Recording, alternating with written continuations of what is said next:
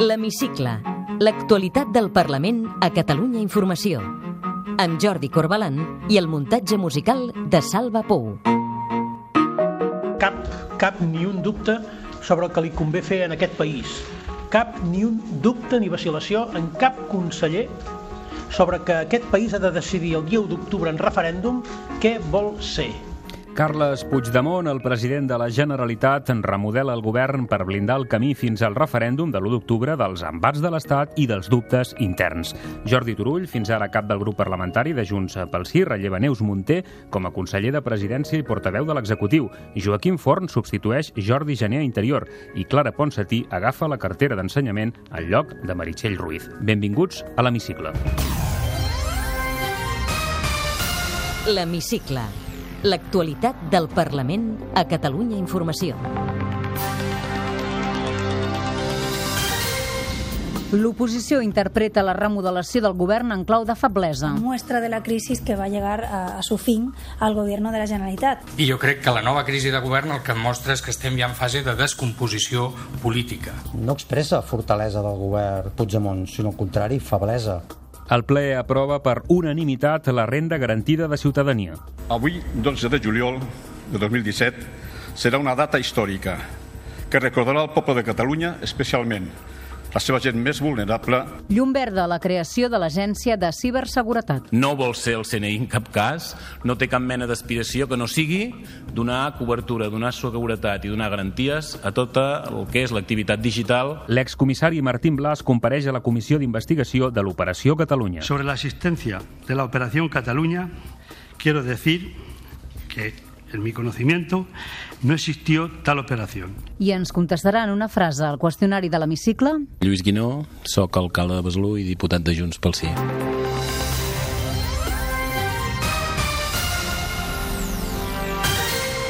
El conseller d'Interior, Jordi Jané, la consellera d'Ensenyament, Meritxell Ruiz, i la consellera de la Presidència, Neus Munté, han decidit fer un pas al costat, com també ho ha decidit el secretari del govern, el senyor Joan Vidal, i propicien d'aquesta manera la renovació del govern.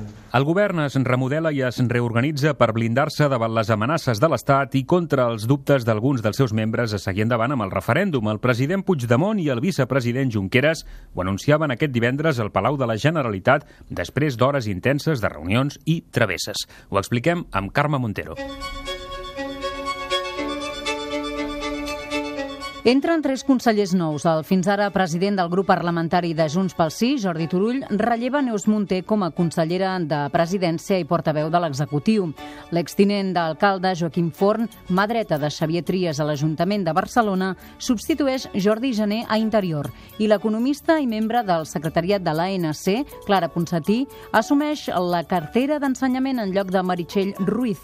Víctor Cullell, fins ara secretari per al desenvolupament de l'autogovern i col·laborador de Carles Viver i Pissunyer, relleva Joan Vidal com a secretari de govern. Puigdemont i Junqueras es conjuren una vegada més per tirar endavant l'1 d'octubre. No es tracta aquí de fer llistes o de categories. Tots els consellers del govern, en el seu conjunt, han actuat i actuaran per fer possible eh, les seves decisions al referèndum de l'1 d'octubre. En el govern de Catalunya no hi han eh, consellers del PDeCAT, consellers d'Esquerra Republicana, consellers independents.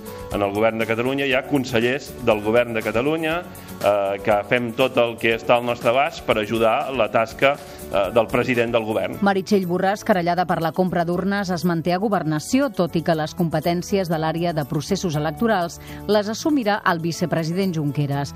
Puigdemont, Junqueras, el nou secretari de govern Víctor Cullell i el número 2 de vicepresidència Josep Maria Jové formaran l'òrgan de coordinació política que prendrà les decisions executives del referèndum que el govern acordarà de forma corresponsable.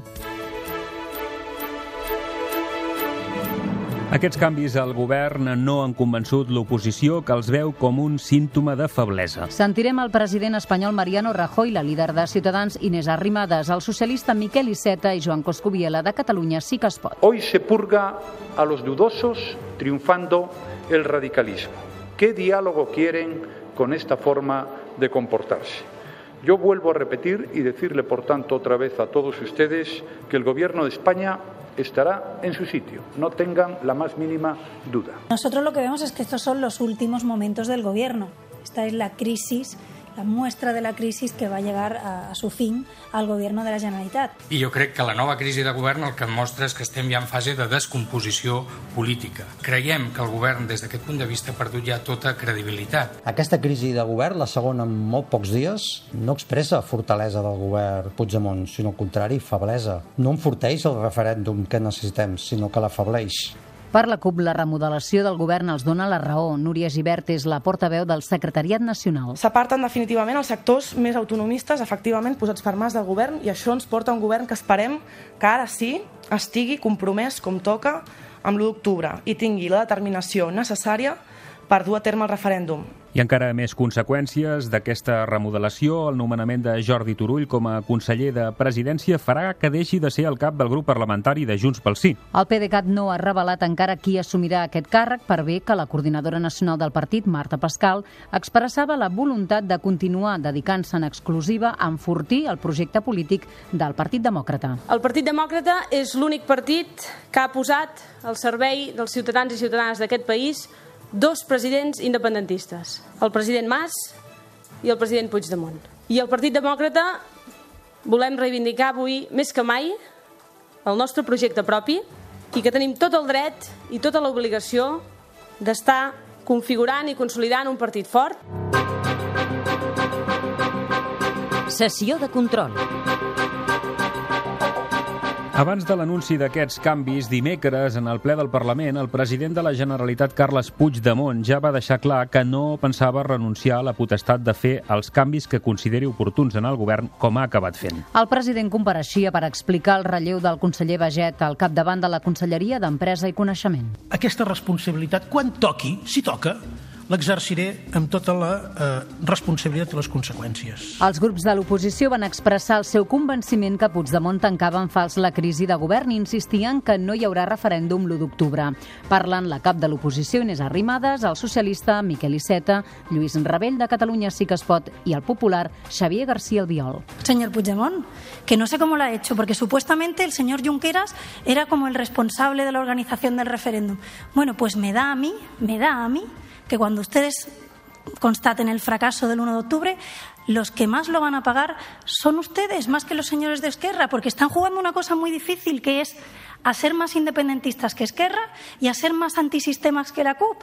Y les va salir muy mal. Potser calgui un conseller del referèndum. Jo no, no ho sé calibrar. Però vist l'èxit obtingut fins ara, senyor president, gairebé li demanaria que fos vostè mateix qui entomés la responsabilitat. La crisi de govern s'ha tancat en fals, president. Quan busquen vostès, per exemple, un comissionat pel referèndum, em penso que potser hi hauran d'externalitzar aquest, aquest càrrec, perquè dins del seu govern sembla que no hi ha massa voluntaris i no es barallen per assumir aquesta responsabilitat. El senyor Junqueras els està embarcant cap al suïcidi polític i ell, com el capità Aranya, es quedarà a terra per recollir les sobres del naufragi del seu partit. La CUP refermava el seu suport al govern per bé que criticava la gestió de Baget. Sentim el copaire Benet Salelles i la rèplica de Jordi Turull de Junts pel Sí. La valoració del conseller Baget des de la nostra perspectiva, des del nostre grup eh, parlamentari, és clarament eh, negativa. Que ara se substitueixi el conseller Baixet pel conseller Vila? Doncs nosaltres no compartim aquesta decisió. El conseller Vila, eh, diguem-ne, destacat eh, membre anticup eh, del govern. Sí que creiem que el conseller Baget ha fet molta feina i molt ben feta aquesta feina al capdavant del departament. La primera garantia de donar confiança a aquella gent que s'ha mobilitzat tant, tant, tant i que està tan expectant del dia 1 d'octubre per votar i votarà, doncs és el govern. I per tant, president, tens tot el nostre suport. L'Hemicicle. El Parlament a Catalunya Informació. A Luxemburg, diumenge passat, la presidenta Carme Forcadell denunciava davant l'Assemblea Parlamentària de la Francofonia la persecució judicial de càrrecs electes per part de l'estat espanyol. Sí, Jordi, davant l'organisme que plega més d'una vuitantena de cambres legislatives de tot el món, Forcadell va portar aquesta denúncia. El nostre Parlament viu una situació insòlita i molt preocupant. Així, el govern de l'estat espanyol exigeix a la mesa del Parlament que, per raons polítiques, censuri iniciatives legislatives dels diputats i prohibeixi debats parlamentaris. Parlementaire. L'Assemblea de Parlaments de la Francofonia s'ha compromès a tractar la qüestió catalana en la pròxima reunió de la seva comissió política. Aquest divendres, la defensa dels encausats per la querella de la Fiscalia contra Forcadell i la Mesa han demanat a la jutge que citi a declarar com a testimonis els expresidents del Parlament Rigol Benac i de Gispert i el fins ara president del grup parlamentari de Junts pel Sí, Jordi Turull. Dilluns ja està citada com a testimoni Marta Rovira. La proposició de llei de la renda garantia de ciutadania ha estat aprovada per 133 vots a favor, cap en contra i cap abstenció. Per unanimitat, el Parlament aprovava dimecres la llei de la renda garantida de ciutadania. És el fruit d'una iniciativa legislativa popular i oferirà una prestació econòmica per a persones i unitats familiars que no disposin dels ingressos mínims per a una vida digna.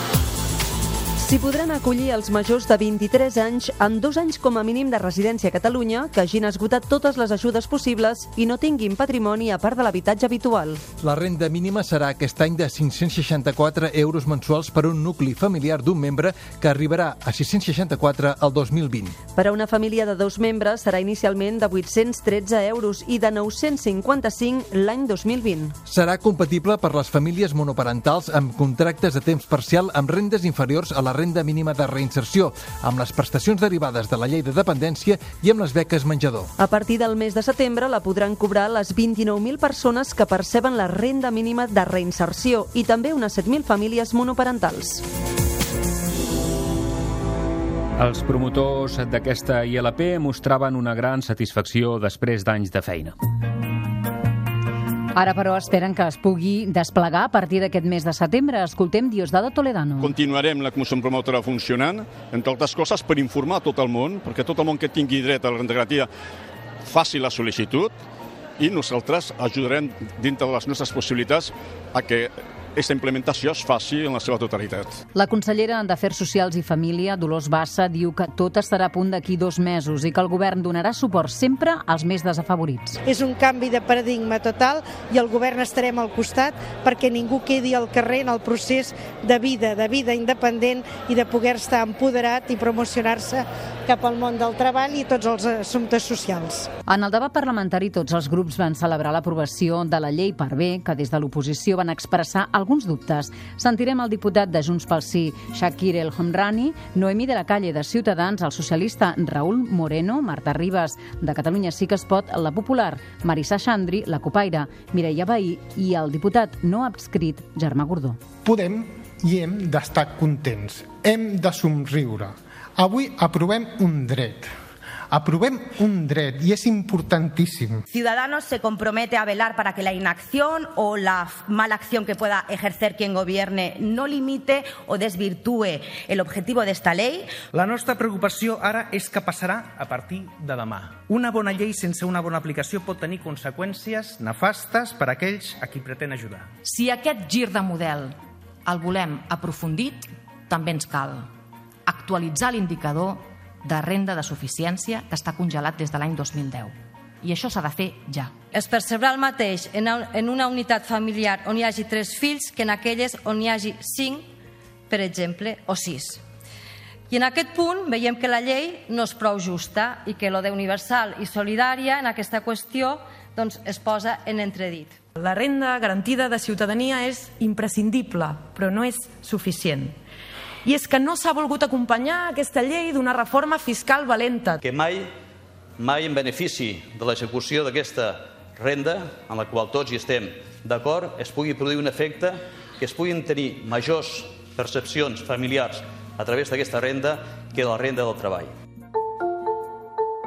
L'hemicicle el ple aprovava dimecres una altra llei, la llei que permetrà crear l'Agència de Ciberseguretat de Catalunya. És un text que va rebre el suport de Junts pel Sí, el PSC i Catalunya sí que es pot. És l'òrgan que s'encarregarà de prevenir, detectar, resoldre i investigar tecnològicament els incidents o amenaces a les xarxes de comunicació electrònica i als sistemes d'informació públics.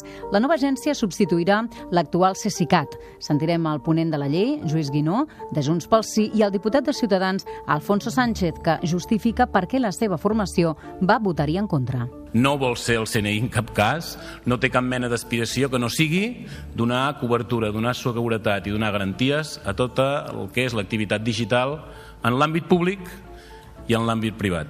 Ni tienen competencias para hacer lo que quieren hacer, ni de la forma como lo quieren hacer, ni pueden entrar en los equipos informáticos de los catalanes para investigar.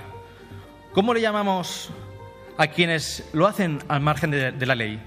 A quienes se meten en los equipos informáticos al margen de la ley. Ahí lo dejo. L'hemicicle. L'actualitat del Parlament a Catalunya Informació. Un dels protagonistes del documental Les cloaques d'Interior, el comissari jubilat Marcelino Martín Blas, passava dimarts per la comissió del Parlament que investiga l'Operació Catalunya i va quedar atrapat en una contradicció. D'una banda, negava l'existència d'aquesta operació de guerra bruta contra el procés català, però també reconeixia, sense apuntar-ne a l'autoria, que algú va manipular l'informe sobre els comptes bancaris a Suïssa d'Artur Mas i Jordi Pujol. Que es una chapuza, eh, si es lo que quiere que le confirme, pues es una chapuza. Se explica lo que procede de documentos oficiales y lo que no procede de documentos oficiales. ¿Qué quiere decir esto?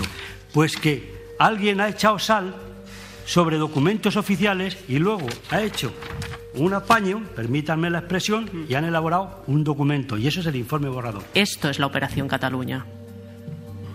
Pues mire, pues será eso, no lo sé. Yo digo lo que he hecho. Martín Blas també va explicar com va aconseguir els comptes andorrans dels Pujol. Diu que seguia ordres del director operatiu de la policia, Eugenio Pino, quan es va reunir en un hotel madrileny amb Joan Pau Miquel, directiu de la banca privada d'Andorra. Me dio un, así un papel de este tamaño, eh, con tres líneas, me acuerdo perfectamente. Eh, era eh, Jordi Puyol Soleil, la señora, eh, su señora y una hija. Y una, un nombre, pues era la hija, ¿no? Entonces venía el nombre, un número de cuenta y una cantidad. No un pantallazo, ¿eh? No, no, no pantallazo, no. Té la paraula Hola, sóc en Lluís Guinó, sóc alcalde de Besalú i diputat de Junts pel Sí.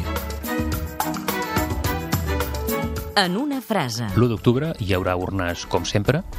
Hi haurà urnes, segur. Qui les acabarà comprant? El govern, que és el responsable de convocar el referèndum. S'hauria pensat mai que l'investiguessin per llogar un teatre? No, absolutament mai. Realment estan passant coses eh, força extraordinàries i que són difícils de justificar des d'un punt de vista democràtic. La cadena de confiances que va demanar el president Puigdemont és ara més necessària que mai? Absolutament. També dins el govern. I tant. Mm -hmm. Per desbordar democràticament l'Estat, amb què i amb qui compten?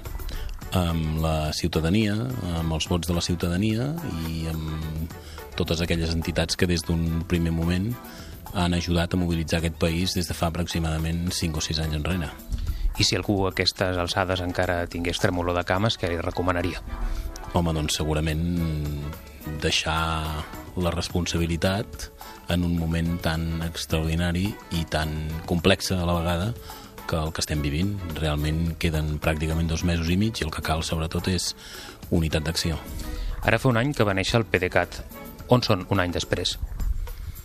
Home, en un espai de, de consolidació a nivell, sobretot intern, de reconeixement de nous lideratges, de coordinació amb, amb el procés, de col·laboració amb el procés i de col·laboració amb la d'alguna manera amb el procés que viu aquest país i que lidera el Carles Puigdemont, que és el president de la Generalitat i a més a més del, del nostre partit. Per tant, des d'aquí eh, s'ha fet una magnífica feina i evidentment queden coses per, per desenvolupar, una nova un nou reposicionament que vindrà donat sobretot pel resultat de l'1 d'octubre, com en tots els partits polítics, per altra banda també. El ple ha aprovat aquesta setmana la creació de l'Agència de Ciberseguretat. Vostè ha estat ponent de la llei. Hi ha qui diu que és una mena de CNI català. Absolutament no. És una llei destinada bàsicament a protegir per una banda, eh, a l'administració pública i a l'àmbit privat mm, bàsicament centrat en les noves tecnologies, que en una societat en xarxa com l'actual és pràcticament eh, tots els àmbits i tothom, i des d'aquest punt de vista el que cerquem és protecció de ciberatacs i, per l'altra banda, mecanismes de prevenció precisament per evitar-los. L'excomissari d'Afers Interns Martín Blas els va dir dimarts a la Comissió d'Investigació de l'Operació Catalunya que algú salpebrava els documents de l'UDEF. Eh, què l'ha sorprès més de les coses que s'estan dient en aquesta comissió? Home, francament, eh, és pràcticament eh, el, el mateix que d'alguna manera em genera la, la compareixença de la Guàrdia Civil avui al TNC per mirar eh, les despeses que van generar l'acte eh, del, de la presentació del sí al referèndum. És eh, sorpresa des d'un punt de vista democràtic, eh, incomprensible eh, en el món en el que vivim. Són realment mm, aspectes que fan que Espanya sigui eh, un estat que tal vegada es pugui començar a considerar com a com a poc democràtic, certament. I, home, i per la policia eh, és d'un desprestigi absolutament mm, descomunal. Les clavegueres de l'Estat se'n remouran d'aquí a l'1 d'octubre? Mm, jo crec que tal i com es van desenvolupar els darrers anys no, és probable que hi pugui haver, de fet ho estem preguntant contínuament en la comissió, és probable que hi hagi altres vies que no siguin exactament eh, les eh, vies utilitzades per la policia en el cas de l'Operació Catalunya. Eh, Lluís Guinó és alcalde de Besalú des de l'any 95. Com s'ho ha fet per ser alcalde del seu municipi durant 22 anys? Home, primer disposant del recolzament de la, de la ciutadania per una banda i l'altra treballant molt. Recorda que volia ser de petit? No, però que ja m'agradava la política és indiscutible. És puntual? Uh, miro de ser-ho. Eh, recorda quin va ser el seu primer cotxe? Sí, un, un Volkswagen Golf uh, CL. Digui'ns un defecte seu. Mm, soc a vegades uh, excessivament uh, confiat. Carn o peix? Carn. Se li donen bé els fogons? Gens. Què el distreu més de la tele si és que li queda temps per mirar-la? Uh, ara darrerament alguna de les sèries que fan al Netflix. Dorm amb el mòbil a la tauleta de nit? No ben bé la tauleta de nit, però molt proper a, a on dormo. Creu en el poder de les xarxes socials? Sí, eh, és eh, absolutament irrenunciable. Recomanins un llibre. Uh, Elegía de Philip Roth, que és un dels meus escriptors favorits. Si hagués de posar una banda sonora a la Catalunya d'aquests temps que ens toca viure, quina posaria? Uh, una cançó que tingués a veure en, en l'esperança i en la llibertat, uh, l'himne a la llibertat, per exemple, em semblaria el més adequat. Farà vacances aquest estiu? De l'1 al 15 uh, procuraré fer-ne, tinguent en compte, però, que, que és probable que estigui només 4 o 5 dies fora de, de Besalú, per tant, en faré relativament. Què l'omple més a la vida? Estar amb la meva filla, amb la meva dona, amb la meva família, en definitiva, uh, llegir el diari el diumenge al matí tranquil·lament uh, i fer esport. El seu principal anel ara mateix? Des d'un punt de vista de país, uh, fer el referèndum, que guanya la independència i que siguem capaços tots els catalans, els del sí i els del no, de construir un, un nou país. I des d'un punt de vista personal només demano bàsicament salut. Lluís Guinó, diputat del grup parlamentari de Junts pel Sí i alcalde de Besalú. Gràcies per ser avui a l'hemicicle. Gràcies a vosaltres. Fins aquí l'últim hemicicle de la temporada. La secció de política dels serveis informatius de Catalunya Ràdio us mantindrem, com sempre, puntualment informats de l'actualitat del Parlament. Gràcies per la vostra confiança i ens retrobem aviat. Podeu tornar a escoltar l'hemicicle al web catradio.cat barra hemicicle i seguir l'actualitat del Parlament a través del Twitter a arroba hemicicle i arroba cati-política.